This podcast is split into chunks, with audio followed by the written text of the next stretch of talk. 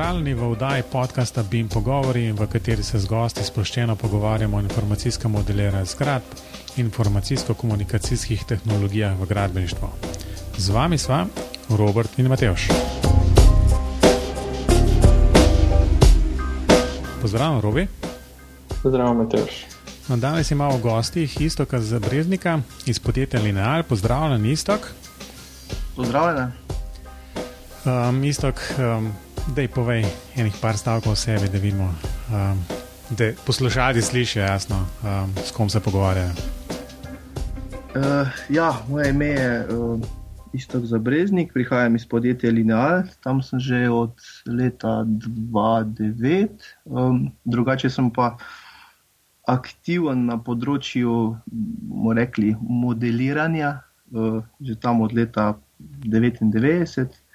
Uh, ker sem bil najprej uporabnik začetnih programov za arhitekturo, eh, kasneje sem pa prišel recimo tam nekje 2004 na Civil 3D, kjer še vedno ustrajam eh, in eh, to tudi nekako narekuje zgodbo o BIM-u, ker pač na področju infrastrukture je Civil 3D eden od redkih programov, ki, ki omogoča parametrično modeliranje, zato tudi se me je potegnilo v BIM. Eh, zdaj na linealu je moja naloga v zadnjih letih eh, predvsem BIM menedžeriranje eh, vseh v bistvu prehod cele firme na BIM, eh, pomoč pri projektih, pomoč projektantom, še vedno pa ohranjam eh, status projektanta, tako da recimo dva projekta na leto poskušam še za sebe narediti, zato da ohranjam eh, dušo tam, kjer je moja osnova, se pravi projektiranje. No, to je zelo zanimivo. Predvsem zato, ker sem videl od par najnih prejšnjih gostov dobila priporočilo, da moramo nujno tebe kontaktirati. Tudi mi smo se komi ujeli za tale pogovor, ker si tako zaseden, pa me zanima, kje so tisti projekti, ki ti trenutno največ časa jemljajo, pa največ živcev. Uh, ja, trenutno mi zdaj v bistvu na, na firmi sta nekako dva večja projekta v zaključku, ki jaz tudi sodelujem uh, kot podpora. En je Šentil, uh, Maribor, idejni projekt, oziroma tudi že na enem modelu PGD faza uh, nadgradnje železnice. Drugi, drugi pa, so pa karavanke, kjer mislim, da sta tudi vaša zadnja dva gosta tudi govorila o projektu drug, eh, drugega eh, predora v Karavankah in mi skrbimo za veliko večino cest in uh, infrastrukture okrog predor. Da, to je tudi zdaj trenutno v zaključni fazi oddaje uh, in mislim, da v naslednjem mesecu se tudi PZI del BIMA oddaja, tako da to so kar konkretni projekti.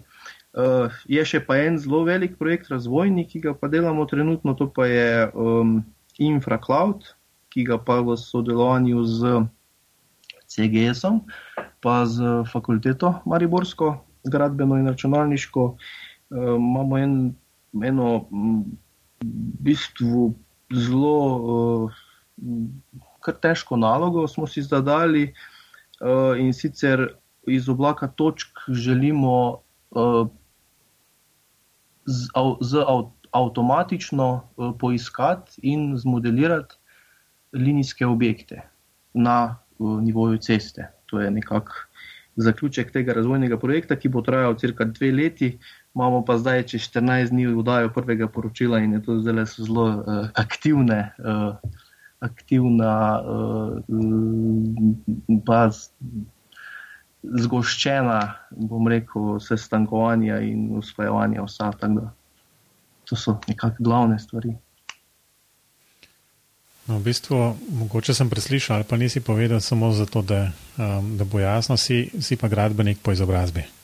Ja, ja, ja sem, uh, po iz, sicer je bilo, uh, ja, mo, moje izobraževanje ima zgodbo. Uh, jaz sem, uh, imam en letnik strojne fakultete v Ljubljani, 99-2000, potem sem pa v bistvu tam okrog 2000 leta verjetno veste, je bil zelo dober čas za tiste, ki so znali z računalnikom karkoli delati, in nekako me je potegnilo stran od uh, fakultete in sem dejansko delal. Upisal sem se 2002 na gradbeno fakulteto v Mariboru in diplomiral sem lani.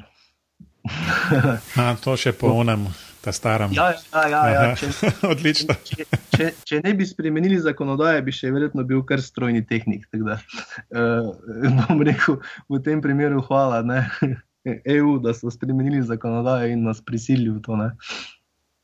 Mislim, da je bilo to tam nekje 2014 po. Po, po, uh, z, po uh, ko smo prejeli nagrado v Dublinu, da je takrat Andrej uh, Tibaut, ki mi je tudi bil mentor zdaj pri diplomi, rekel, da ja, je zdaj pa res zadnji čas, da, da še narediš tista dva izpita, pa diplomiraš. Ne? In sem res tudi to pol naredil. Uh, sem pa cel faks v bistvu izredno delal, tako da nekako dva izpita na leto sta bila. Ja, ampak zdaj, zdaj je čist drugačen. Zdaj, ko si diplomiran ja, ja, inženir, zdaj pa popolnoma drugačen. Ja, zdaj pa, zdaj pa res vem. Ja. Zdaj, pa, zdaj pa lepo na kartici piše, ne? diplomiran gradbeni univerzitetni inženir. Ne? Zdaj, pa, uh, ja, zdaj, zdaj pa to čist drugače, pa, pa najbrž si se zdaj še v obleke oblačati. Ja, seveda, seveda. Predvsem na, na vizitko pa res uh, dost uh, bolj sproščeno damo od sebe. Ja. no, jaz bi najprej čestitev za ustrajnost. Uh, bi pa nekaj druga vprašal. No? V bistvu podjetje Linal se vse skozi pojavlja v eni takih, v eni takih zgodbi, tej pilotni zgodbi, tistega stolpa, vinarjem, tam v Lendavi. Pa me zanima, ali si tam sodeloval. Pa kako kak to, da ste tako zelo povezani z univerzo, ali pa eno verjetno lokacijsko, drugo pa tudi to, da ste se ujeli verjetno na neki skupni viziji? Uh, ja, v bistvu je tako, da jaz sem, jaz sem že tam nekje, tako kot sem prišel v Linal, to je bilo tam 2-9, sem začel zelo na glas obimu. Obimu očivkati. Um, lastniki, pa vodstvo so tu zelo hitro prisluhnili, takrat je glih, bi rekel, začela kriza noter prihajati. Moram priznati, da imam, da imam zelo uh, dobre uh, šefe, ki razumejo, da je, da je razvoj nujen in zato smo tudi bili tu tako hitri.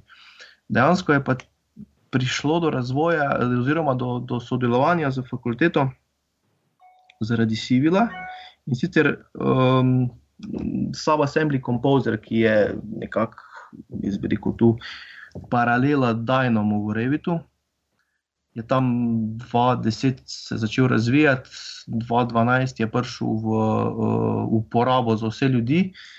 Eh, in eh, v, v kompozorju se dajo razvijati pametni gradniki. Zdaj to je zelo taka. Dobra beseda, ampak dejansko to pomeni, da lahko v civilove elemente uh, vizualno programiraš na tak način, da se potem na osnovi vseh možnih vhodnih parametrov obnašajo po želji, tako kot si si sam zamislil. In mi smo takrat eh, ugotovili, da je to težava, ne? da, da pač nekako ni nekih pametnih resursov, je pa tega dela ogromno, če hočeš vse ceste parametrizirati. In smo našli neki, neke razvojne projekte, se prijavili, takrat smo napisali prijavo in v bistvu uh, uspeli. Ne? In potem smo mogli takrat sestaviti ekipo. Uh, povezali smo se s Mariborsko fakulteto in z Andrejem Tibautom, predvsem. Ne? On je potem tudi bil vodja tega projekta uh, Road 3D Smart se je imenoval, kjer smo pa razvili, vem, mislim, da 70 subassemblejev, pa navodila, pa vse. Ne. Jaz sem takrat v bistvu potem eh, smo, smo zaposlili, ena je bila Mojca, pa, eh, pa Klara Mihalič, ko je še zdaj na linealu. Pa še uh, bil je Sašo kot računalničar, pa Andrej je tudi bil delno zaposlen pri nas. In tam se je začela zgodba o sodelovanju med fakultetama, pa tudi v bistvu nekakšna zgodba tega infrastrukturnega ne, bima, v, bomo rekli, v sodelovanju z fakulteto. Seveda je stolp prišel pa kasneje, uh, ko se je pa, moram reči, da na, zah, ne na zahvalo, ampak recimo, da je tu občina Lendava izjemno uh, poslušna do takšnih poslušna. Uh, do, nove tehnologije so zelo pomembne, oziroma za njih jih zelo razumejo, kar se tudi pri stolpu vidi. Stolp je eden od redkih projektov slovenskih, ki je uspešen bil. Ki je bil zgrajen v krizi, pa dejansko je uspešen in promocijsko, in kako razumem, tudi komercialno.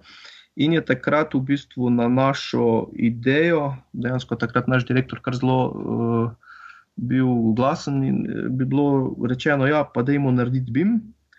Uh, takrat smo naredili projektno nalogo, vse je bilo dogovorjeno, BIM je bil dan v, v, tudi v, v, v, v, v, v, v projekte in um, delalo se je pa to tako, da jaz sem začel pa nastavil, mojca je pa potem dokončala, mojca je bolj uh, bila v bistvu takrat v, v moji ekipi in je tudi šlo to zelo hitro naprej. Ne, da, uh, mislim, da je bil dober projekt.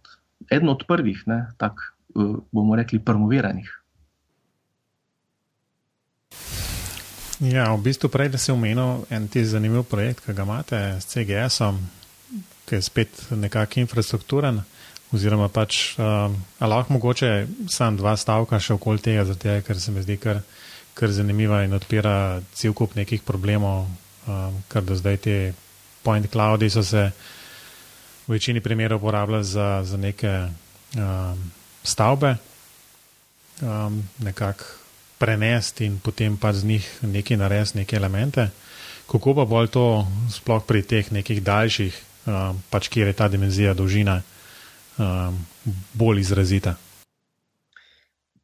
Ja, oblaki točk so zdaj, za nas je to zdaj ratalo že kar, pomembno, kar pomemben vir informacij iz terena.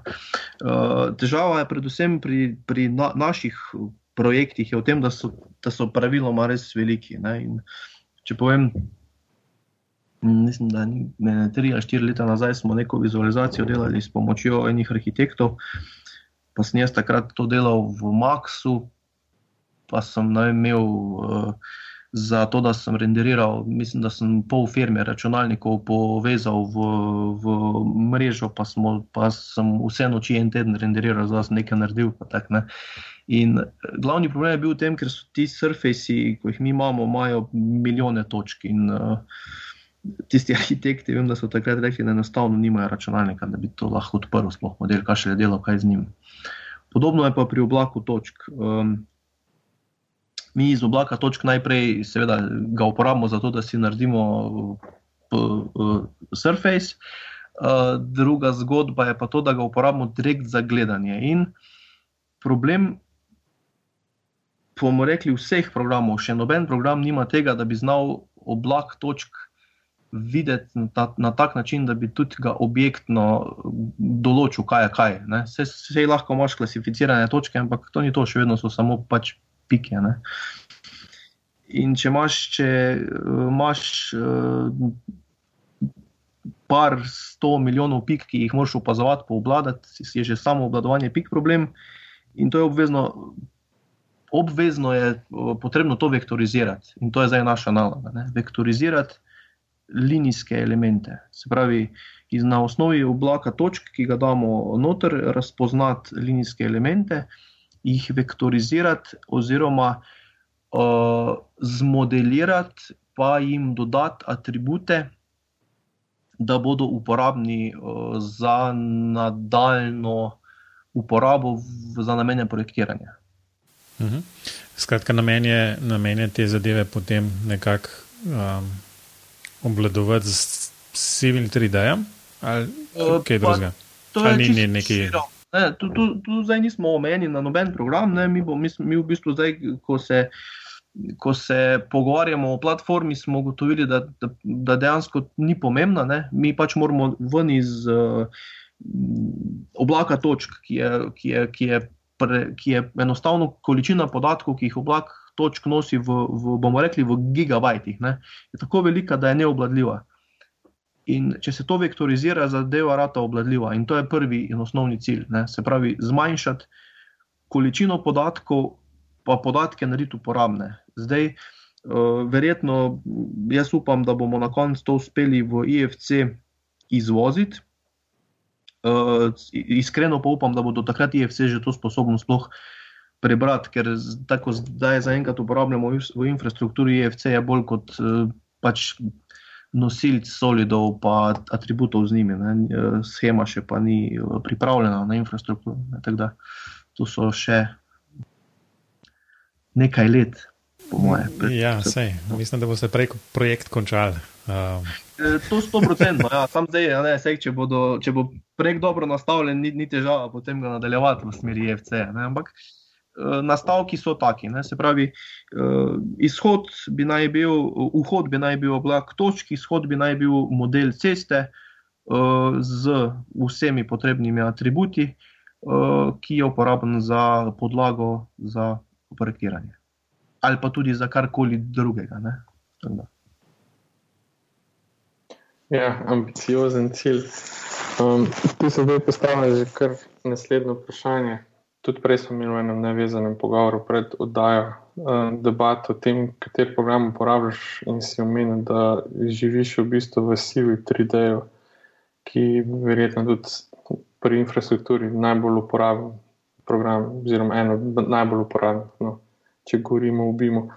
Uh, lahko mogoče poveš, kakšna se je tvoja zgodba s tem Civil 3D začela, pa kako sploh se Civil 3D razume z BIM-om, uh, glede na to, da nismo veliko kaj slišali o njem v tem podkastu.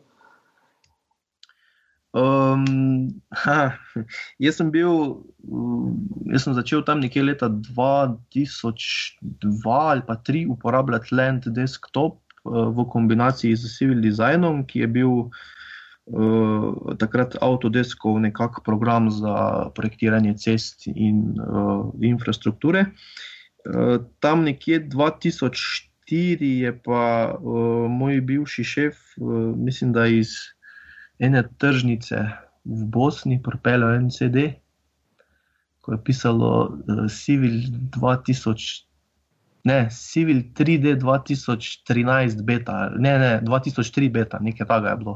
Jaz sem tisti inštaliral in takrat tista zadeva je znala narisati os, pa štirikrat je crkveno vmes, ampak bilo je pa tako. Um, bil je pa to prvi stik, bom rekel, z, takoj, se, takoj mi je ratalo všeč, ker je bilo res parametrično, ker, si, ker nisi šel risati črte, pa loka, ampak si šel risati os, ne, recimo ceste. In um, takrat, potem, mislim, da je prva verzija, ki je bila že tako uporabniška, je bila 2004. 2005, uh, 2006 je že pa v bistvu bila kar za resna verzija, ko se je že res nekaj dalo z njo narediti. In takrat je v bistvu Autodesk po Evropi iskal eno skupino uporabnikov, ki bi bili uh, nekako testni, te, testerji. In takrat je na priporočilo CGS-a so mene uh, tudi povabili potem od takrat naprej sem jaz z Civilom zelo, zelo, zelo povezan, zaradi tega, ker sem tudi tester in uh, tudi delno imam možnost vplivati na razvoj programa, res uh, poznam ga v, v, v drobovje, tudi zaradi tega.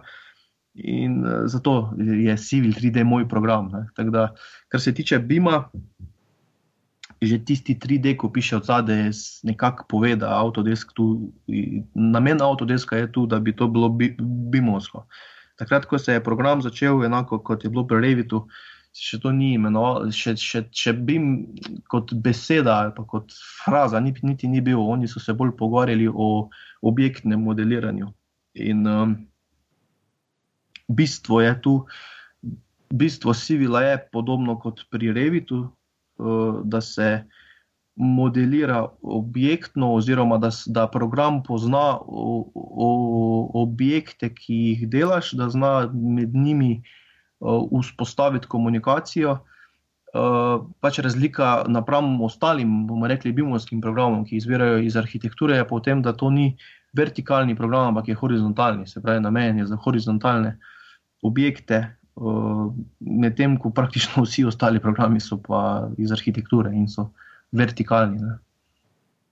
Uh, vse ostale stvari, kar se tiče civila, so pa nastavljene na tak način, da, de, da de, delujejo po bimovsko, se pravi, poskrbljeno je za podatkovne povezave med različnimi, bomo rekli, datotekami, modeli, elementi, avtomatika deluje. Na tak način uh, največji ali pa najbolj pomembna stvar pri Civilu je pa Subassembly Composer, To je pa dejansko ločen program, podobno kot pri Revitu Dynamo, ki pa, je, ki pa omogoča uh, vizualno programiranje parametričnih gradnikov, s katerimi uh, se potem, recimo, cesta modelira. To nekako. V bistvu jaz se spomnim tega Civil 3D, v bistvu res najbrž v tistih letih, ki si jih. Um, ti omenjam, vem, da, da takrat, ko je zadeva ven prišla, sva imela s profesor Kovačičem, ki je bil pač moj mentor pri doktoratu, eno tako dosti dolgo debato v smislu, um, jaz zdaj pa Civil 3D ven prišel, um, kaj bo pa zdaj spletajo. In um, recimo, da, da je na veselje najbrž vseh pleteja um, še zmeri tukaj ne, in še zmeri najbrž kar se prodaja ne, in živi naprej svoje življenje. Um, ampak dejansko so pa nekako tako razmišljali, da, da bo kar vem, problem s tem, ne? Um, ker se je pač pojavil um, nek tak uh, relativno pač primerljiv program z platajo. A ti tudi, a si kaj tazga podobnega videl, ali je Civil 3D um, drugače, drugače zasnovan, oziroma bolj splošen, vseeno bolj splošen kot plataja? Mogoče ena, ena, ena specifika, ki jo imajo ti tipični BIM programi, modelirniki. Tu, tu, tu, tu, tu jaz mislim, da pri vseh težavah, da so zelo orientirani, orientirani zelo ali pa zgolj na modeliranje, ne toliko na izdelavo načrtov, risb in tega.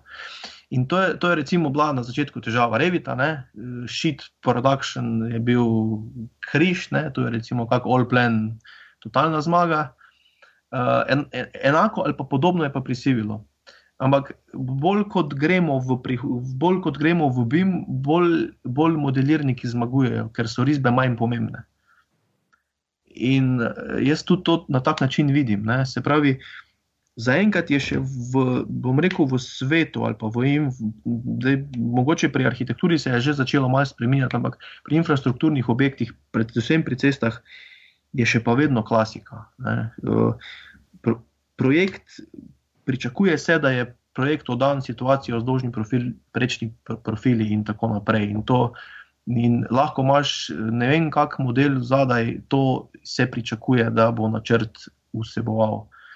In um, programi, ki to obvladajo, ne glede na to, kaj se zadaj dogaja, so še vedno aktualni in bomo rekli zmagovalni.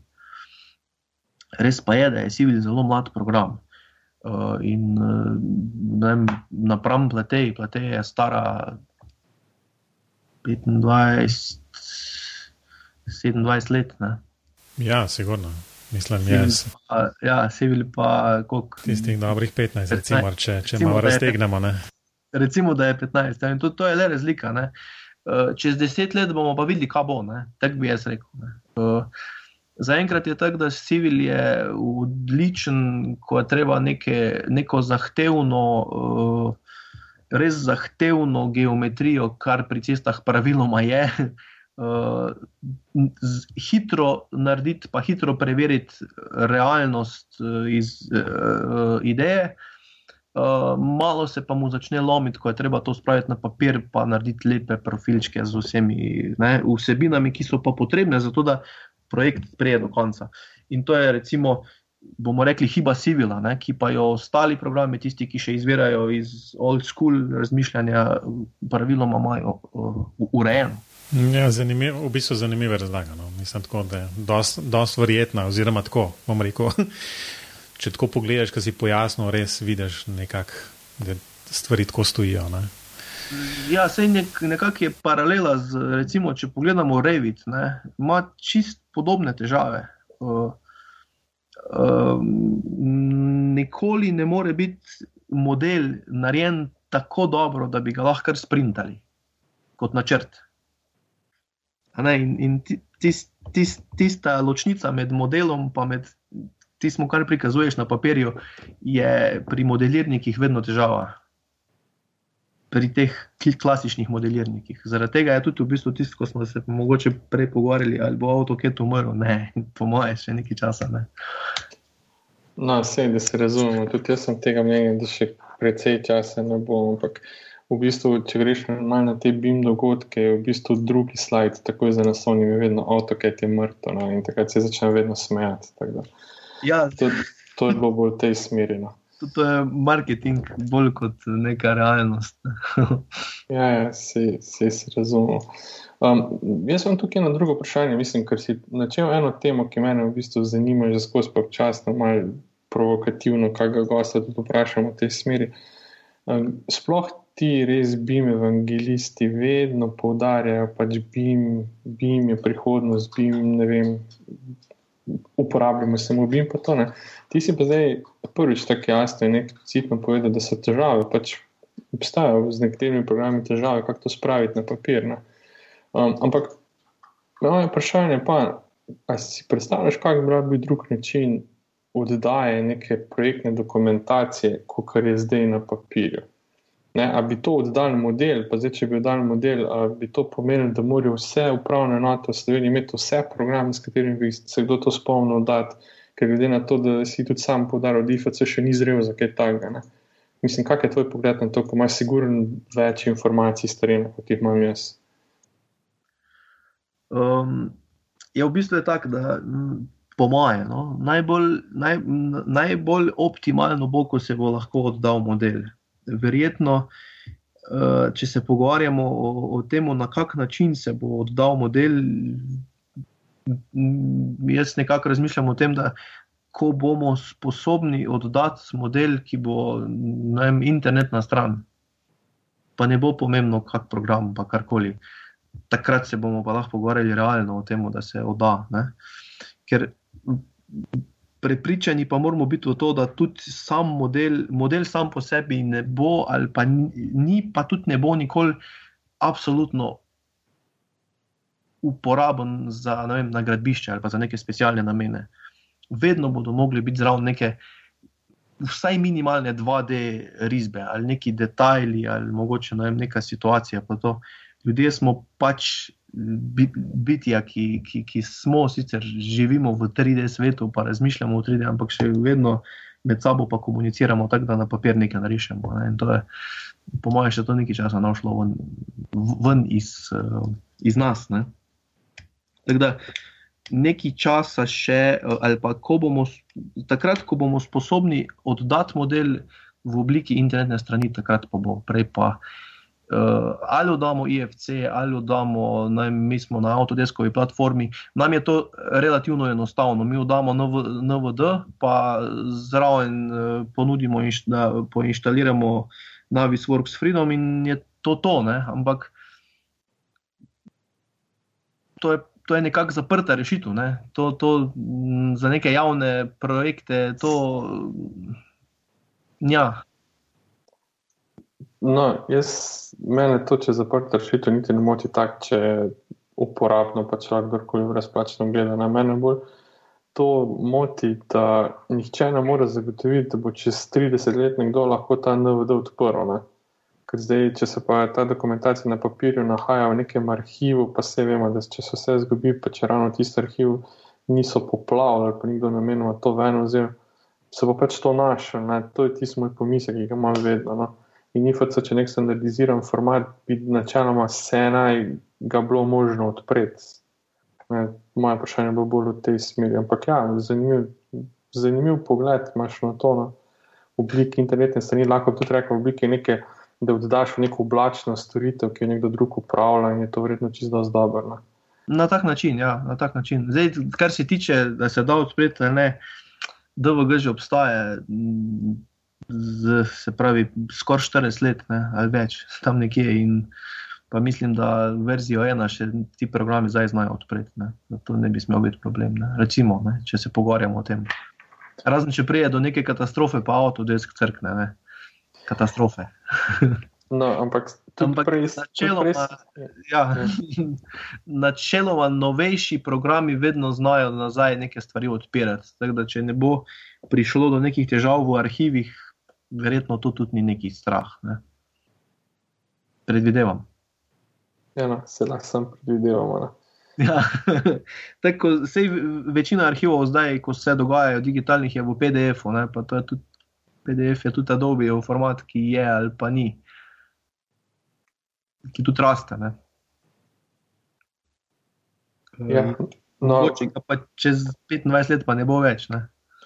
No, glede na naše zadnje izkušnje s fakultete, lahko povem, da PDF ima tudi več oblik. Ena izmed njih je PDF-A, ki je edina primerna za arhiviranje.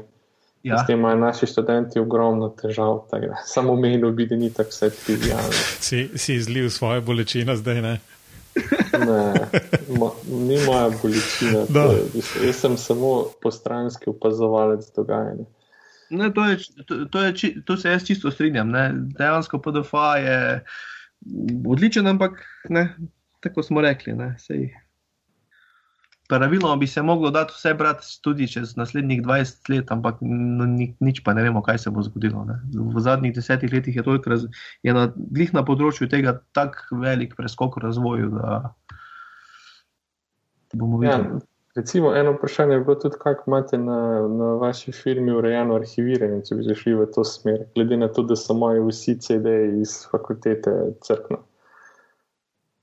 Um, mislim, da še vedno, vs, pa mislim, da zdaj zadnjo leto, pa, pa zadnje dve leti, pa ni več, da se bi en izvod dajal na, na papirju v arhiv. Ampak nisem prepričan. Moram priznati, da ne vem. Vem pa, da, mislim, vsekakor pa imamo digitalni arhiv, arhiv uh, v obliki aktivne, pa pasivne oblike, ki pa se arhivira vem, na pet različnih medijev, pa pet različnih načinov. Tako da mm, za vsak slučaj mislim, da to imamo kar uh, na vse možne načine shranjeno. Edino, stvar, ki, edi, edino, kar vem, da se ne dela več, se kasete ne snemajo, ker to pa res. To je že pa res um, zgodovina. Pa ni, veš, To... Čakaj, one glasbene kasete, kaj? Jaz, Hecam se. Taki arhivi so se delali še Saj vem. do tega. Težava je, da enostavno nimajo ni več takih kaset, da bi, da bi bile sposobne tako količino podatkov shranjevati. ne. Mislim, Mogoče imajo to kje, v kakih večjih ustanovah, ampak ne vem, kot vem, da je še do pred kratkim sem v bankah to arhiviral na, na trakove, zdaj pa če še vedno, pa ne bi vedel. je čist možno. Je čist možno. Ker to je edini trajni zapis. No. Mislim, Naj da, bi bil, ja. mislim da ne. No. Kukor, Naj bi bil. kukor jaz to vem, da ne. to je tudi magnetni trak. Ne, tako da, ja. Ja, ampak če danes najdeš v nekakšnem podstrešju kako kaseto, pa če ti uspe najti še kakšno radio, ki jo znam predvajati, bo še vedno delala. Ne? CD pa, ko je star deset let, pa ne bo več delal. Več je problemi z radijom, no, v bistvu. Ja, no, Ja. Problem tu je večplasten. Pustimo podrobnosti. Ti, um, zanimivo sva, smo se prej pogovarjali tudi o Civil 3D, pa da si beta tester. Um, Mal bi me zanimalo okoli tega, no, tudi v bistvu, kako, kako se skupaj izgleda, če, če lahko o tem več, uh, več poveš, um, kako dejansko lahko. Um, recimo, koliko je takšnih, ki so nekako tako blizu Autodesku in Civil 3D, kot si ti v bistvu tukaj v Sloveniji, oziroma pač širše v Evropi in na svetu. Uh, zdaj, nekako evropske razmere jaz poznam, uh, on, uh, onih, um, onih testerjev iz ZDA. Sem jih samo enkrat videl na Autodesku v, v, v univerzi, ko smo bili na predstavitvi, in še, pa še to samo tiste, ko so bili na Autodesk University. Um, zdaj v Evropi je ta skupina velika, mislim, da mogoče enih 50 ljudi, od tega je takih, ko so vabljeni na dogodke, praviloma je njih 15. Um, smo lahko rečem, da recimo, da polovica, tam je njih 8 ali pa 9 uporabnikov, nas je takih, ko smo že od začetka zraven. Uh, zadeva se nekako odvija na tak način, da je enkrat na leto, ponovadi januarja, dogodek v eni od avtodeskovih central v Evropi, uh, to München, Pariz, uh, mislim, da v Barceloni še nismo bili, bili smo že v Krakovu, pa se pa pač to izmenjuje. To nekako tako zgleda, da, da, da en teden. Um, Od jutra do večera sediš z računalnikom in testiraš uh, po njihovih navodilih tiste funkcije, ki so nove v naslednji verziji. Um, zdaj ta oblika live uh, se počasi izginja. Jaz mislim, da to ne bo več dolgo, ker so zdaj v zadnjih letih zelo, zelo dramatično vse dali na internet. Uh, se pravi, imamo tedenske webcaste, kjer imamo tudi zraven intervjuje, se pravi, oni pokažejo nekaj, kaj so si zamislili, pa potem vsak odgovori, ali mu je všeč, ali mu ni všeč, ali bi raje imel ikonco malo bolj levo, ali bi bolj bilo, da je ikonca bolj zelena, ali pa, pač vse, čisto v vseh detajlih nas sprašujejo, pa nekako uh, si zapisujejo, potem pa to dajo v, v, recimo, v roko enega leta, ponudi take ideje, ven pridejo, če jih uspejo narediti. Um, kako to zgleda? Uh, Ne, se je bilo, se je že, mislim, da je že, že to, kar si zdaj rekel, je, je mislim, tako, super informacija, da, um, da, da dobimo malo pogled v to, kako ena tako zelo velika firma razvija softver. No?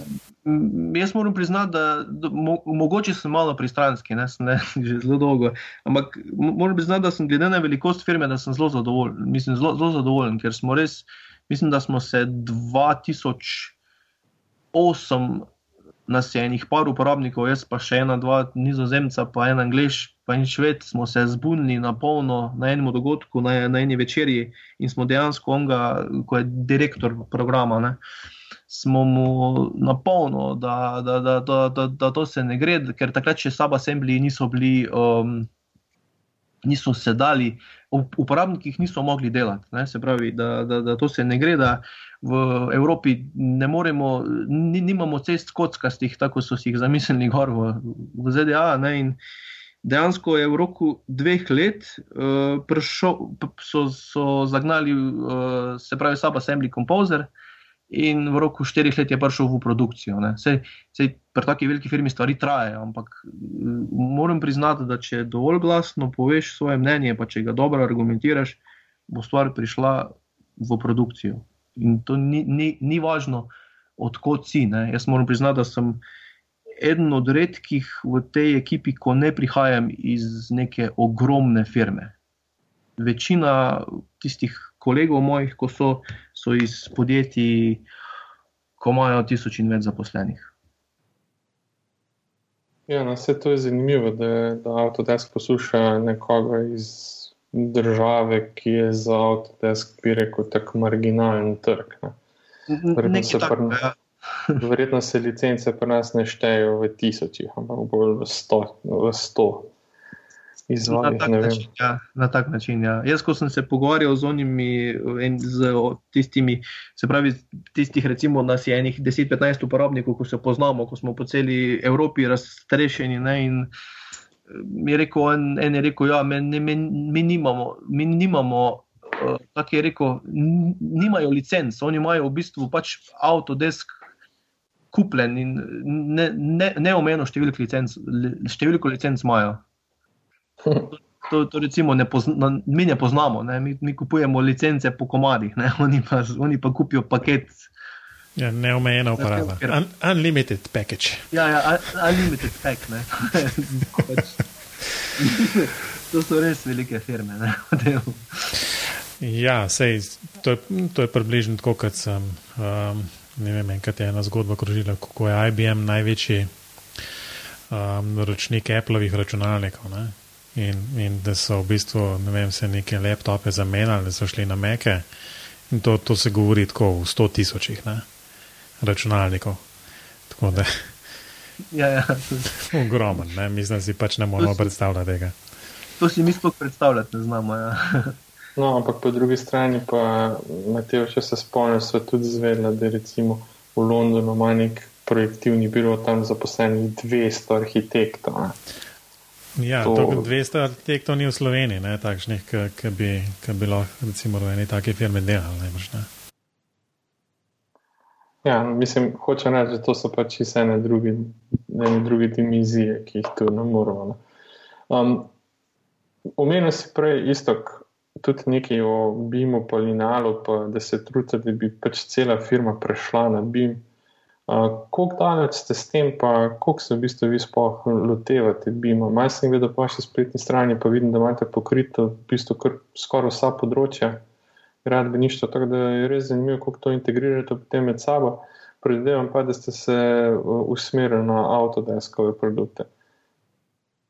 Uh, ja, večinoma smo na avtodesku, uh, razen na ob, ob, pri objektih imamo še, imamo še Allplan.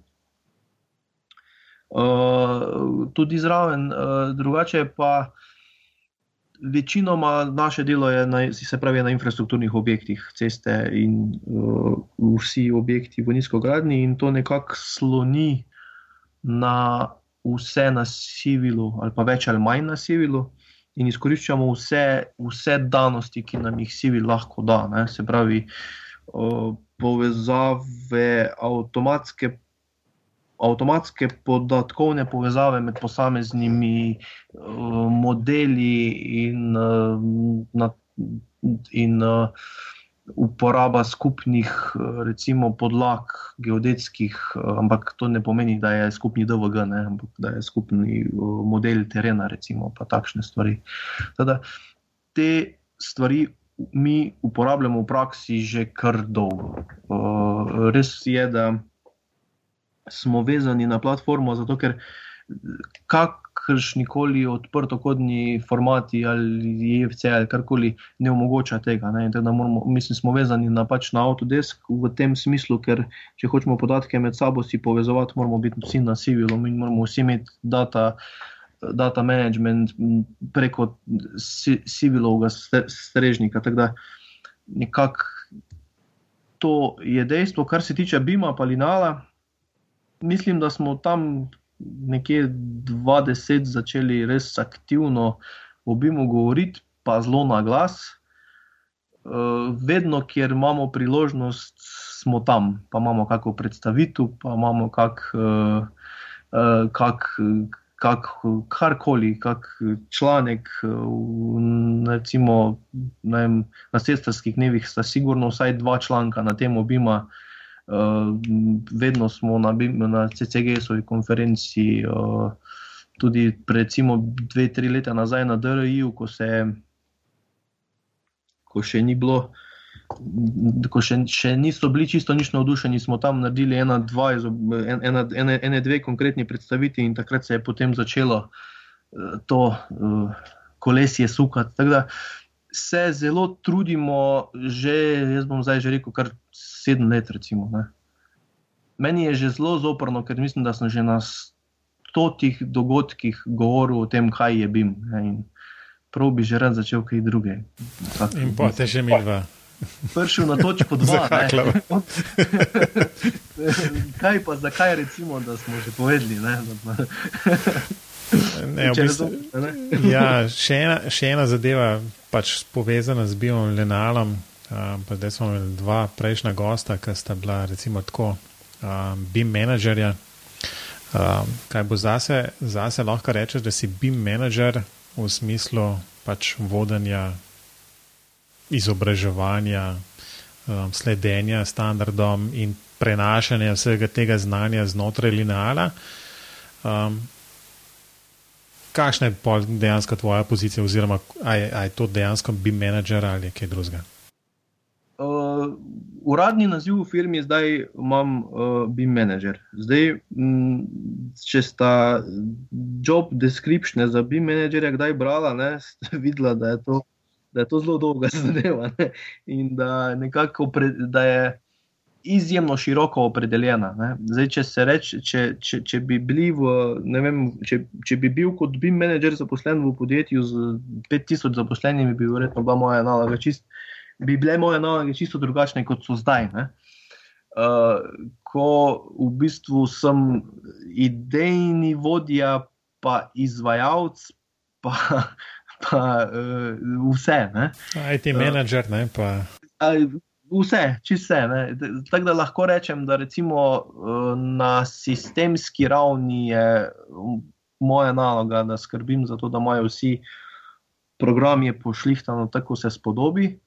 Se pravi, da imajo pravilne verzije programov, da so updati porihtani, da tudi v bistvu tiste podatkovne povezave, ki so vezane na neko komunikacijo, uh, podatkovno, da funkcionirajo, da izobražujem v smislu uporabe eh, tudi programske opreme, da eh, recimo pomagam eh, ekipam, ko se lotevajo projektirati neke. Kakršne koli rešitve, jaz pomagam na, na, na nivoju programa, kako se zadeve loti, da bo najbolj efektivno rešena iz vidika modeliranja. Mm, na nivoju, recimo, projektov, je pa uh, moja naloga, da v štartu, ko se projekt nastavlja, da pomagam vodji projekta uh, zmenedžerirati tisti del, kar se tiče uh, podat podatkov. Ne? Se pravi, na kak način bo organizirana komunikacija med projektanti na zunaj. Uh, Kakšni, kateri programi se bodo uporabljali, kako bo recimo uh, Eh, model, eh, recimo pri večjih modelih, ko se gre za 10-20 km ceste ali pa česa takega, je treba modele razdeliti eh, na, pri, pri, na primerne dolžine, ne, da se dogovorimo, kdo bo to delal, koliko ljudi bo delalo, kako bodo med sabo povezani. Pa tako, vse te stvari nekako so. V moji domeni. Skratka, sodi, sodi to nek, v nek um, ta CDE, tako imenovan, se pravi Common Data Environment. Tak, nekako ja, opis tak, ja. tega. Tak, ja. Dejansko tisto res, res menedžeriranje, ampak na tem nivoju, ne, kar se tiče projektov, je tako. Poskrbeti za to, da stvari funkcionirajo, da lahko projektanti ne moteno delajo, pa se ne ukvarjajo s tem, kdo zdaj komu pa kje, pa zakaj, ampak da, jim, da jih tu vodim. Ne. Zdaj, če, Robi, če mi pustiš še eno vprašanje, tega, ker to me, to me takoj zanima. Tega, ker Isto, zdaj si povedal, da kar precej dela je dejansko vloženega v to, da, da se definirajo te relacije, da se definirajo neke najbrž tudi komunikacijske poti, za kdo je za kaj od, določen in odgovoren in kdo je lastnik enega modela in tako naprej. Um, koliko je kle težav z, ne vem, ljudmi, z, z firmami, z samimi programi, z protokoli, standardi in tako naprej. Ali je to dost pri teh, recimo, ko, imat, ko imate enkrat prvo za neki infrastrukturni projekt, recimo temu mušter, ne, kako ste to zadnjič naredili, kako boste to zdaj naredili, je, so te težave, so težave še resne ali je v bistvu pač to neka dost rutinska zadeva pa vzate že? Uh, jaz bom rekel, da je odvisno od projekta, ne? tudi odvisno mogoče od oddelka, pa odvisno od posameznika. Zdaj, uh, večji, ko je projekt, več energije se na začetku praviloma vloži v to organizacijo, in manjše so težave.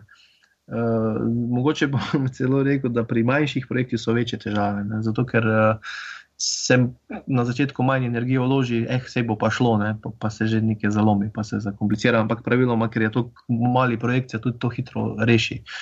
Um, znotraj firme lahko rečem, da so stvari utečene. Mislim, uh, vedno je tako, da en, en, vedno je en oddelek, ki nekako sprobava nove pristope, nove stvari in tam uh, se pričakuje tudi dosti večje odzivnost uporabnikov, ampak tiste stvari, ki so pa dogovorjene, pa utečene, pa funkcionirajo. Tam ni nekih težav, težave so zgolj z, najem, z programom, z, z, z nekimi podatki. Uh, največ težav, ko jih mi imamo, recimo, imamo s tem, da programi niso sposobni požreti količine podatkov, ki jih uh, mi hočemo noter dati. Recimo. To je um, prisivilo, ker ne da je težava, ampak ko recimo na največji model, ko sem ga do zdaj dajal notor, je bil za um, študije variant, um, se pravi Sloven Gradec v Tiški vrh. In tam je, bila, tam je bil model sestavljen iz 50 milijonov točk, model terena. Uh, ja, zdaj to, mogoče nekomu to ne pomeni dost, ne, ampak praviloma civil normalno funkcionira tam do 4 milijone točk. Ah, v redu. Vse ko, jasno. postaviš, ko postaviš v perspektivo, pa je pa to malo drugače sliši. Ja, pol te moram takoj vprašati, zdaj, daj povej, kakšen računalnik imaš, da to dejansko dela. Potencijalno ni- dela. Niti ni, niti ni. Uh, računalniki so standardni, dobro, res je, res je da one nor, normalne stvari, ve, velika količina rama, SSD diskov je, take stvari pač morajo biti. ne. Uh, največja težava je recimo bila uh, vedno mreža, ker pač imamo vse na strežniku, vse so, dis- so diskovi in delovne dat- datoteke so na mreži, zato smo tudi recimo rešili, smo mogli iti enkrat smo mogli zelo na hitro iti na gigabitno mrežo, pa na nove strežnike. Recimo. Uh, dr- druga zgodba, ali pa recimo, da tisto, kar smo pa rešili, smo pa rešili ravno z tem, kar Civil omogoča. Ne? Se pravi, um, Civil temu reče data shortcut. Uh, se pravi, jaz sem recimo tisti model, ko je bil za takrat, ne, ko je sestavljen iz 50 milijonov točk. Jaz sem naredil 10 manjših modelov po 5 milijonov, pol pa sem v, dru v drugem modelu vseh teh 10 združil kot podatkovno povezavo do prvih 10, pa sem pa tistega ta zadnjega delil z projektanti in so delali na tistem, kot, z, na tak način, da je bil podatkovno povezava. In takrat je to delalo. Se pravi, projektant je lahko projektiral na modelu, ki je imel 50 milijonov točk ampak ga, ni, ga je samo gledal kot uh, po AutoCAD-u, ko bomo tem, temu rekli XRF, ne? ampak to je pač po, podatkovni. Ne? No, to je bil moj, moj komentar, ko sem ga zelo pripravljen, če to je podobno kot XRF. Pa. Na ta način, ja, eh, na, k- koncept je tak, ja, ampak to je, to je ravno ne, obladovanje velike količine podatkov, je ravno tu. be- Dejansko na tak način to funkcionira. Ne? Se pravi, mm, os, ki jo projektant nariše, pa jo deli z drugimi kot podatkovno povezavo, jo, jo vsi ostali jo samo vidijo, ne? se pravi, jo ni pri njih fizično. Lahko jo uporabijo kot uh, podlago, lahko na tisto os gor, uh, naredijo gor koridor, lahko naredijo karkoli, ampak ni pa njihova. Če, če, Ja. če, če se razume. Ne? In Pomeni, da, Se, se. se, da, se podatki, da podatki niso doma, da so podatki samo tam, kjer so. Ne.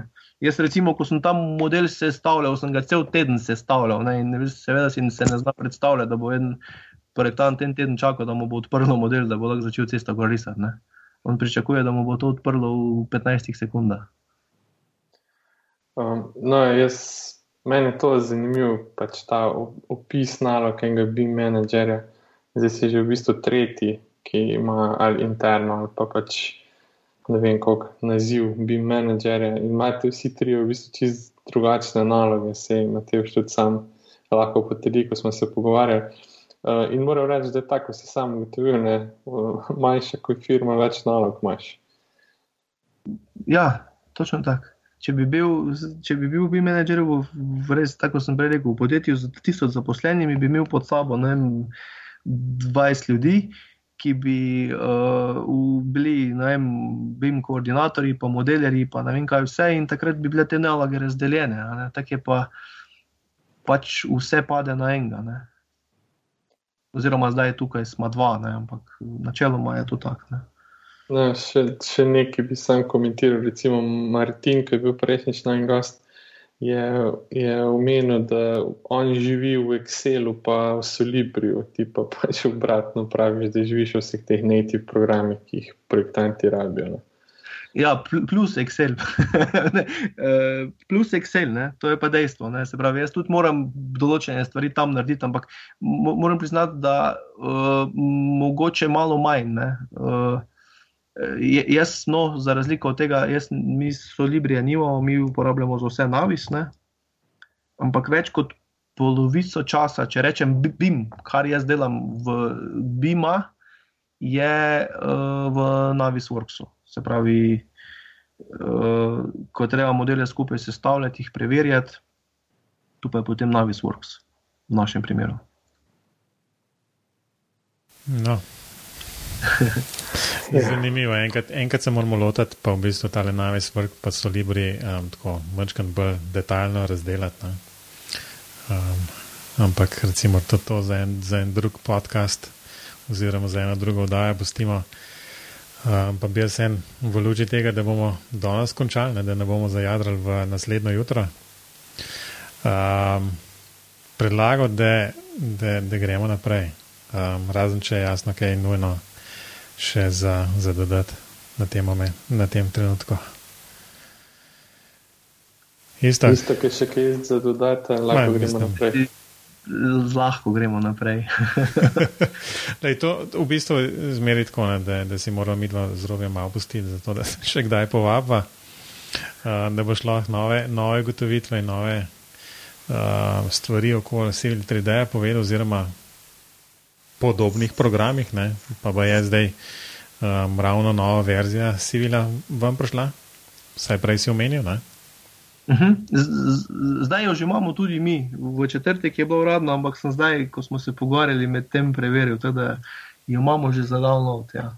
No, evo, to je glih pred prazniki, ne, za vse tiste, ki bo ta podcast malo kasneje poslušal, tako da čez praznike um, lahko jo vsi na veliko modelirajo z novimi zmožnostmi, ki, v, za katere je isto, sigurno imel kaj besede zraven.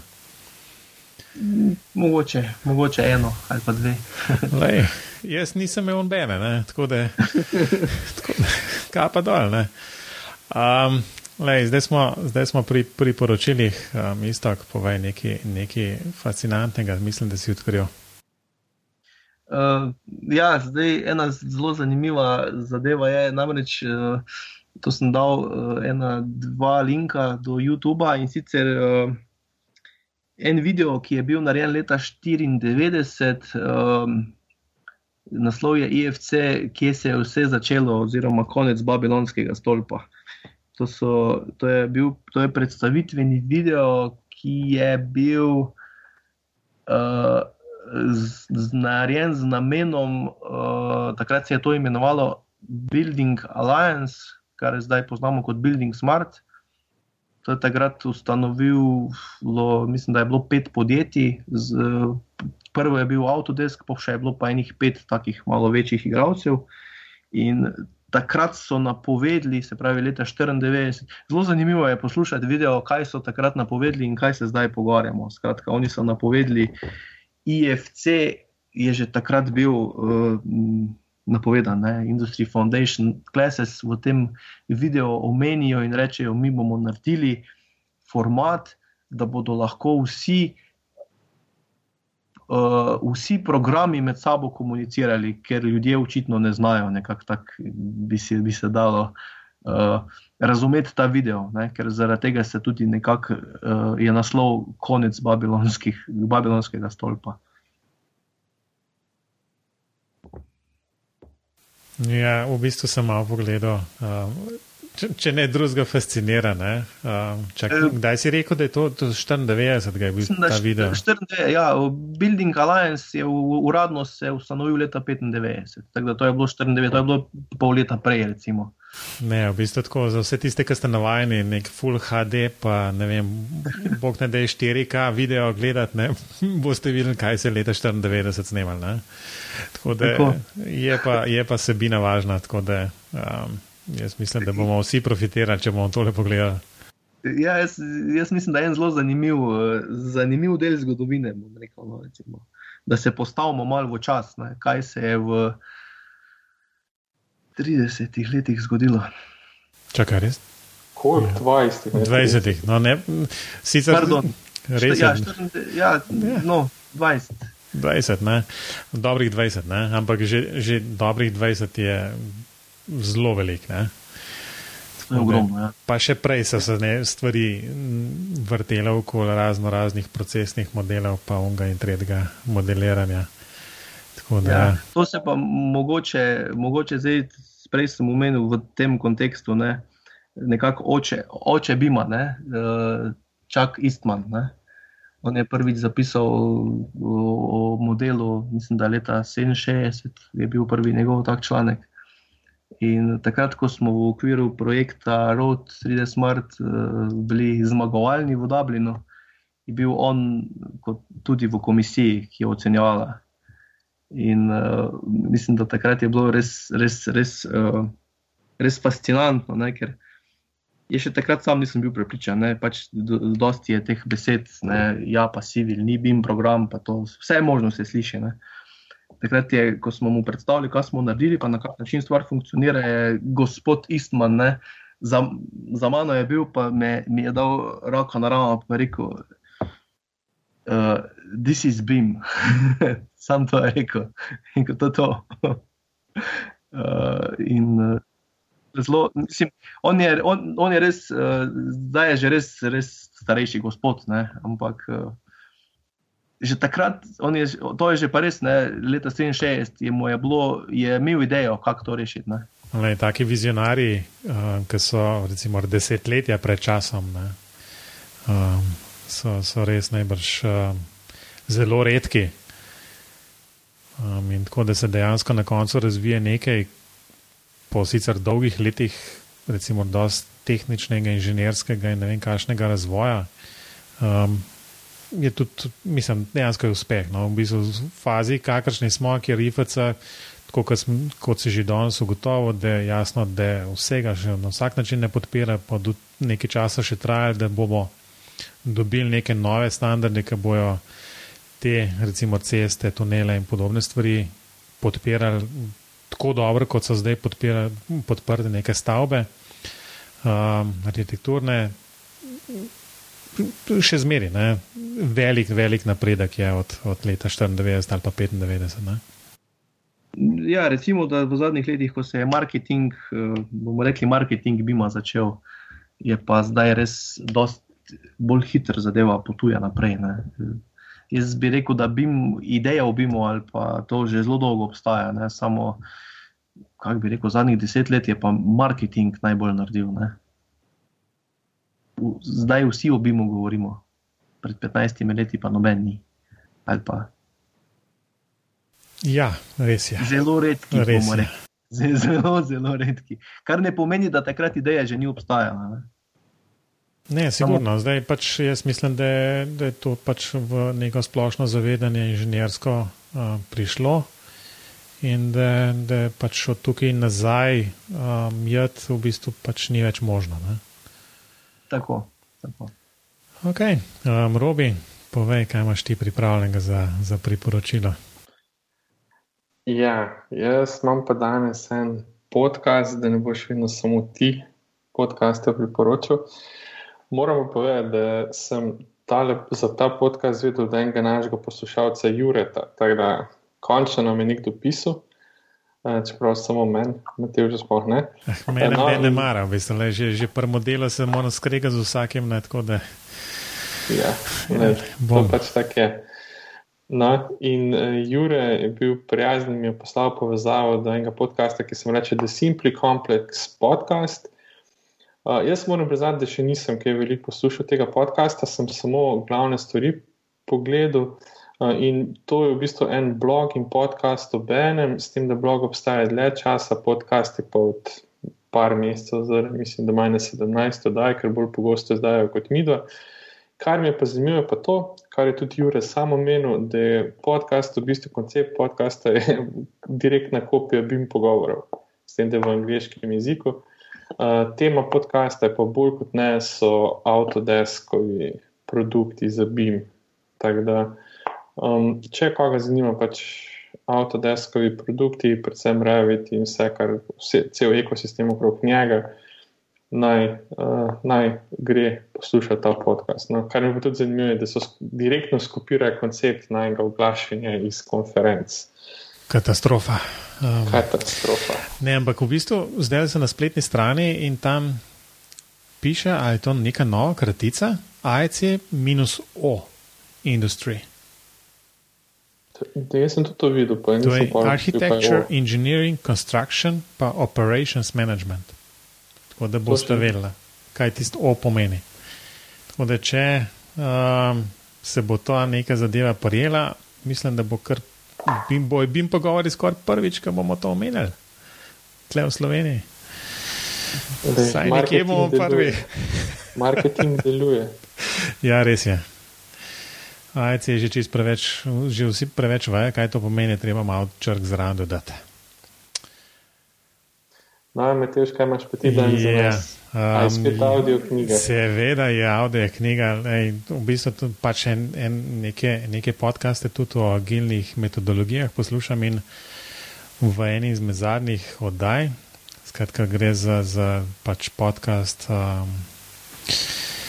uh, kako je že?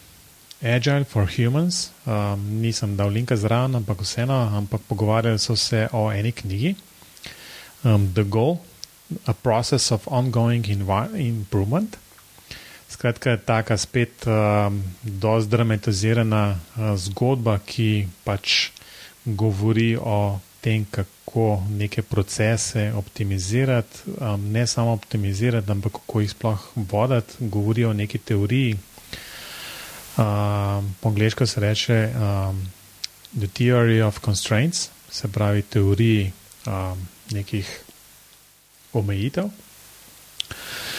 No, in zelo zanimiva, v bistvu, tako, da če boste poslušalci ali pa tudi vidva, kdaj, kdaj razmišljajo o kakšni knjigi, taki, um, ta je definitivno ena izmed boljših. Tako da um, to je z moje strani. Ok, smo pa jasno pri pomembnem delu, hitro vprašanje. Um, Istok, pa bomo kar šli na pač na prvo vprašanje, BIM programska oprema, uh, kjer uporabljaš? Civil 3D, Navisworks, Infraworks. Evo, bom jaz, ker moraš pač eno sam povedati. Ne? Kar... Bom, re, recimo, da je, da, je, da je pri Autodesku izjemno težko govoriti samo v enem programu, zato ker so vedno paketi. In, eh, če bi rekel, da je Civil 3D, bi, bi bil prekratek. Ampak recimo, da to je moje poglavitno. Lej, boš moral biti zadovoljen s tem, da si videl 3D napišem. Uh, sva, pa, sva pa v paketih slišala, predvsej, ko so bila na izobraževanju na CGS-u. In jasno, to je približno kot z Adobom, um, kjer jasno ne moreš ti kupiti enega programa, ampak moraš bolj ali manj pol njihove ponudbe pokupiti. Točno tako, ja. No, ampak lej, to se najbrž ne bomo nikoli strinjali s tem, je to dobro ali pa ne. Ja, uh, Evo, zdaj Tako, pa se ne bomo strinjali, ali boš model najema ali nakupa programske opreme. Ampak, okay. no, naslednje vprašanje je isto. Zelo pomembno vprašanje, tako da pazi, kako boš odgovoril. Kaj je BIM? Ali je to model ali je proces? Slišala sva tudi, da, je, da to ni ne modeling, ne model, ampak da je to management, pa da je to kaj še, Matej, filozofija. Ja, Čak pa še zanč, zanč je um, Miha. Um, kaj smo Miha. slišali? Ne, ne Miha, uh, Martin. No. Um, Martin rekel, da je, čak sem, da je to moram skoraj pogledati. Ena dobra kratica si jasno zmislil in to je um, DGP, digitalizacija gradbene panoge. Ja, ja povej, to, to, pa, to, pa, to so pa na, na IC-ju, imajo ta program. Ja, ja to je. Eh, zdaj, jaz sem bil menedžer. Zdaj, zdaj, in... Aha, si za management pa. Ja, ja sem zdaj mal, mal, malenkost moram to argumentirati. Ne? Zdaj, zdaj bi model, model itak moramo narediti, zato ker če nimamo modela, pol nimamo nič. Ne? Zdaj je to informacijski model ali je pač ne. Druga stvar je proces. Proces je se uh, iz vidika, jaz zdaj govorim iz vidika projektiranja, se proces nič kaj ni spremenil. Se pravi, proces, da pridemo do projekta, je popolnoma ali pa no, v veliki meri enak uh, zdaj, kot je bil pred 20 leti. Spremenil se je pa management uh, uh, vseh informacij, ki se dogajajo med tem procesom. Se pravi, upravljanje je, po moje, bistvo Bima. Se zmeri bolj strinjam z vami, ki govorite, da je to management. In pa tudi tvoja razlaga tale okol procesa. Jaz bolj, ko razmišljamo o BIM-u in o procesih in modelih, na konc koncev rečem, pa kaj se je za vraga spremenil, še zmeri na konc koncev delamo gradbeništvo, v bistvu delamo neke infrastrukturne objekte, arhitekturne objekte, kakorkoli že. Um, na bolj manj enak način kot pred, vem, 30-40 leti. Ne? Ja, in tudi, tudi, tudi, tudi, to se, po mojem, ne bo še kmalo spremenilo, ker fizika je še zmeraj taka, da najprej moraš temelje narediti, pa na koncu streho. In žal, ne. jaz mislim, da proces gradnje ali pa tudi projektiranja se bistveno ne bo, ne bo nikoli spremenil. Uh, se pa spremenja obladovanje, seveda, vseh informacij, ki nastajajo tu. Ne. To, to, tu, tu, tu nekako jaz, tako je moje mnenje. No. Zato je to management. No, po moje. Ti si gost, vedno imaš gostov mnenje največ teje tukaj. Um, no, in še zadnje vprašanje iz tega um, sklopa um, okoli standardov oziroma Open Beam pristopa. Um, kako ti to zadevo vidiš? Uh, absolutno da. Zdaj, sicer zaenkrat mi še imamo tu, kar uh, uh, bomo rekli, še, ni, še tehnološko na področju infrastrukture, še tega ni, ne, še ni, ni tako daleč in imamo kar težave uh, v komunikaciji, ne, predvsem, ker ni, niso standardi še dobri, ampak. Uh, Jaz verjamem, da ko bo recimo IFC, ko bo izpisan tam nekje v verziji 6, tudi za infrastrukturo, da bomo lahko to zelo spridom uporabljali. Urejeno sem, le, sem napisal, da um, jaz mislim, da bomo počasi tole vprašanje ukinili. Ampak, recimo. to, to sploh ni vprašanje. Ne, ja, ja, da, ampak bolje je vprašanje, kdaj. Ne, ne, ne, ne, ne, Tako je. Ja. Ne, ne, da ali ne. Ja. Medtem imamo tudi drugo vprašanje kinu, da, da ne bo še naprej izgubil. Ja, le.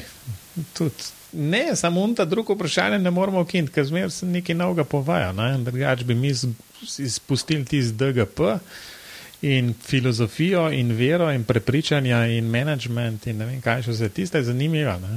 Nažalost sem brez malo ne strinja, ampak dobro, to je, to je druga zgodba. Bo treba mal. Um, iti v marketing. Um, skratka, neč, jaz mislim, da smo pri koncu. Um, Istok, najlepša hvala, da si se vzel čas um, za, za tole vdajo. In mogoče za na koncu samo še ena zadeva, kje te lahko poslušalci najde, kako te kontaktirajo s kakšnimi vprašanji ali pa mnenje. Ja, uh, hvala za povabilo. Drugač, mene se najbolj enostavno najde na, uh, na Google. Ja. Uh, oziroma na linealovi internetni strani, mail imam isto, pika za breznik, af na lineal, af na gmail, af na ne vem kaj vse. Uh, skratka, tudi na LinkedIn-u, tudi na, na Facebooku sem prijavljen. Ja. najde se me. No, nej, bomo, bomo mi to malo polinkali. Da, um, jaz ne verjamem, sicer, da boš imel zelo veliko um, prometa dodatnega zaradi tega. Ampak upam, da se vsem do, um, mogoče s kakšnim vprašanjem, lahko tudi na te obrne. Da je težav. Um, super, Robi, kaj za dodati za na konec? Ja, me ne boš vprašal za kontakt. Ne, le zadnjih nisi hotel povedati, pa ne bom več sprašval. Ne? Razen če se ne ponujaš posebej. Ne, ne, ne, ne bom dal kontakt. Prvič, ko jih nisem povedal, sem pa en mail dobil. Najdete me na Google. Ta je dobra, ja. Lej, pol, pol najbolj, da spustim tudi jaz ti zadnji del, da pač vse povem, kje so bim pogovori in ne vem, kaj že vse, ker očitno to noč ne zaleže. Um, ampak, recimo, da upanje vseeno umre zadnje in povem, da prosim, jasno, poslušalce, vesele bo vsakršnega mnenja, tudi graje, kritike in ne vem, kaj še vse. Um, BIM pogovore najdete na webu oziroma spletu, bimpogovori.com je spletna stran, sicer pa tudi na Facebooku, Twitterju in pa od nekaj, nekaj tednov nazaj um, tudi na YouTubu. Um, zadnjič sem preveril, mala dva naročena na YouTube kanal. Um, odlično, še 98 jih rabimo, potem bomo pa lahko imeli svojo tako kratko oznako za BIM pogovore na YouTube, to je omejitev, ki jo YouTube ima. Tako da je sam še 98 jih raba. Um, mislim, da smo pri koncu istok, uh, res še enkrat najlepše hvala za, za te, te odprte odgovore. In neč, lep pozdrav obema. Adijo. Nekaj, hvala. Jo.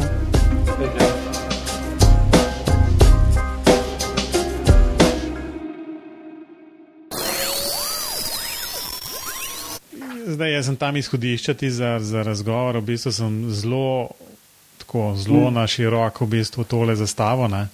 Oziroma, pač ni nujno, da sploh karkoli od tega govorimo, lahko tudi vse. Ampak um, moraš ti povedati, v bistvu, kaj, kaj, kaj ti, kar, kar v bistvu misliš, da je najbolj pametno, da se dotaknemo, tako da bi enostavno tudi koga drugega zanimalo. Uh, zdaj, mogoče, uh, če sem, da si jaz odprem oni link, uh, bi jaz civil postavil na prvo mesto. V redu, v bistvu je, v bistvu je tako, čak, kdo je že, kdo je že z, rekel, da te nujno mora imeti kot gosta, ta prvi. Ta prva raka mojica, potem je pa rekel še zadnjič, v ta zadnji. Ne, v bistvu je bil Peter, meni se zdi ta prvi. Verjetno Peter pošlje. Po, po pa, pa še pa je Martin, v bistvu zadnjič, ker sem ga, smo ga nekaj sprašvali, v bistvu koga ne. Pa je rekel tebe, sem rekel, ah, da je kaj novega povej, ne. tebe smo pa že slišali. uh, ja, v, v bistvu, kakor, kakorkoli bomo se pogovarjali, pri meni je tema vedno nekaj v zvezi s civilom. Ne? pač uh, sem, pa to sem že pa res od, skoro, od, odkar civil obstaja. Sem, To tudi uh, programersko, kaj v bistvu, uh, ali, ali zgolj uporabniško, pa v bistvu uporabniško, slash, sem beta tester Autodeskov že od začetka, od 2006. In tudi v bistvu poznam program res noter, zato ker tudi en kup stvari, ki so se v programu zgodile, lahko rečem, da sem vsaj delno vplival na njih, zato ker je, uh, zdaj ne vem, koliko poznate Autodesk, ne, ampak um, oni, so, oni, so, oni so zelo poslušni, ko, kar se tiče do nas, beta testerjev, vsaj tistih ta ta, ta osko, ne, ta oski, ki jih nas je recimo kakih 20. Ne. In uh, dejansko se civil razvija tako, kot uporabniki želimo, bomo rekli. Ne, da, zaradi tega civil tako dobro poznam. Ne, in iz, vse iz tega izvira, ne, to pa pol razumete. Ne. V bistvu bom rekel, da je civil. V bistvu, ne vem, če sploh se ne spomnim, da bi kdaj, kdaj to uporabljal. Um, Jaz tudi ne. Ja, v bistvu, ker, ker mi je bilo zmerno nekako tisti tak um, po liniji, ne vem, AutoCAD, pa potem na Revit. Ne? Tako da sem se vedno načeloma sprašal, kaj potem ta Civil 3D dela v tej zgodbi Autodeska. Um, lej, jaz sem v bistvu začel z se pravi arhitektural desktop, ne vem, koliko to poznata. To je bila ona prva zgodba pred Revitom. Prej so kupili Revit, ne? ne vem, če ni to celo njihova eh, prva avto, avtodesko zadeva. In uh, to je bil, kar se meni tiče, prvi program, ki je bil modelirnik, pa ki je baziral na AutoCAD-u. Uh, ampak je že bila, kako bi rekel, zametki ne, tega BIM principa, ker je že bil objektno voden. In to je glih, v bistvu prisivilo je podobna zadeva. Uh, res je, da laufa ne na avtokedu, ampak na mepu, ampak je uh, DVG, ki pa ima zraven toliko svojih vlastnih objektov, da ga avtoked samo vidi, ne zna ga pa prebrati. Kar se mene tiče, je to čista paralela um, Revitu.